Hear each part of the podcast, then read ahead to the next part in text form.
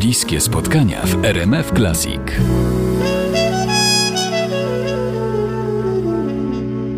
Na koniec y, chciałabym zapytać, czy ma pan cel, który teraz panu przyświeca? Czy żyje pan etapami od celu do celu, od partytury do partytury? Czy jest to pewna droga, pewien, nie wiem, bycie tu i teraz? Jak to, to jest w pana przypadku? To jest ciekawe pytanie. Ja rzeczywiście coraz częściej się nad tym zastanawiam.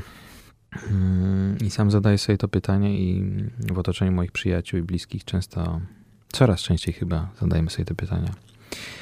Mam 43 lata i już jestem w takim momencie, że w zasadzie jestem zadowolony z tego, co osiągnąłem i nie muszę nikomu niczego udowadniać.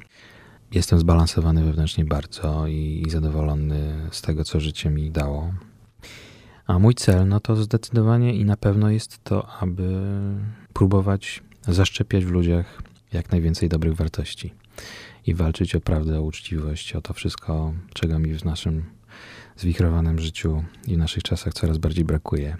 A więc to, co wspominałem wcześniej, czym jest misyjność jakaś, jeżeli chodzi o bycie artystą, szerzenie dobrej nowiny i przekazywanie młodzieży, ale też i ludziom starszym, pewnych, mm, wydaje mi się, ważnych i, i, takich e, bardzo wartościowych rzeczy.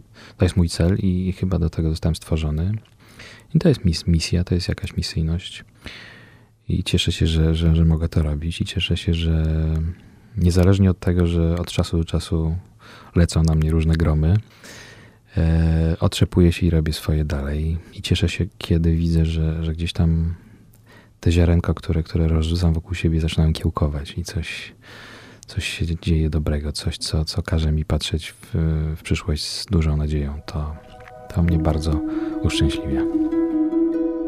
Bliskie spotkania w RMF Classic. Moim gościem był Krzysztof Herdzin, kompozytor, aranżer, muzyk uniwersalny, człowiek orkiestra. Właśnie ukazał się nowy koncertowy album artysty zatytułowany Composers Concert Live. Więcej o albumie można przeczytać na podstronie programu. Ja już dziękuję za wspólnie spędzony czas. Bardzo dziękuję. Jadwiga Polus, do usłyszenia.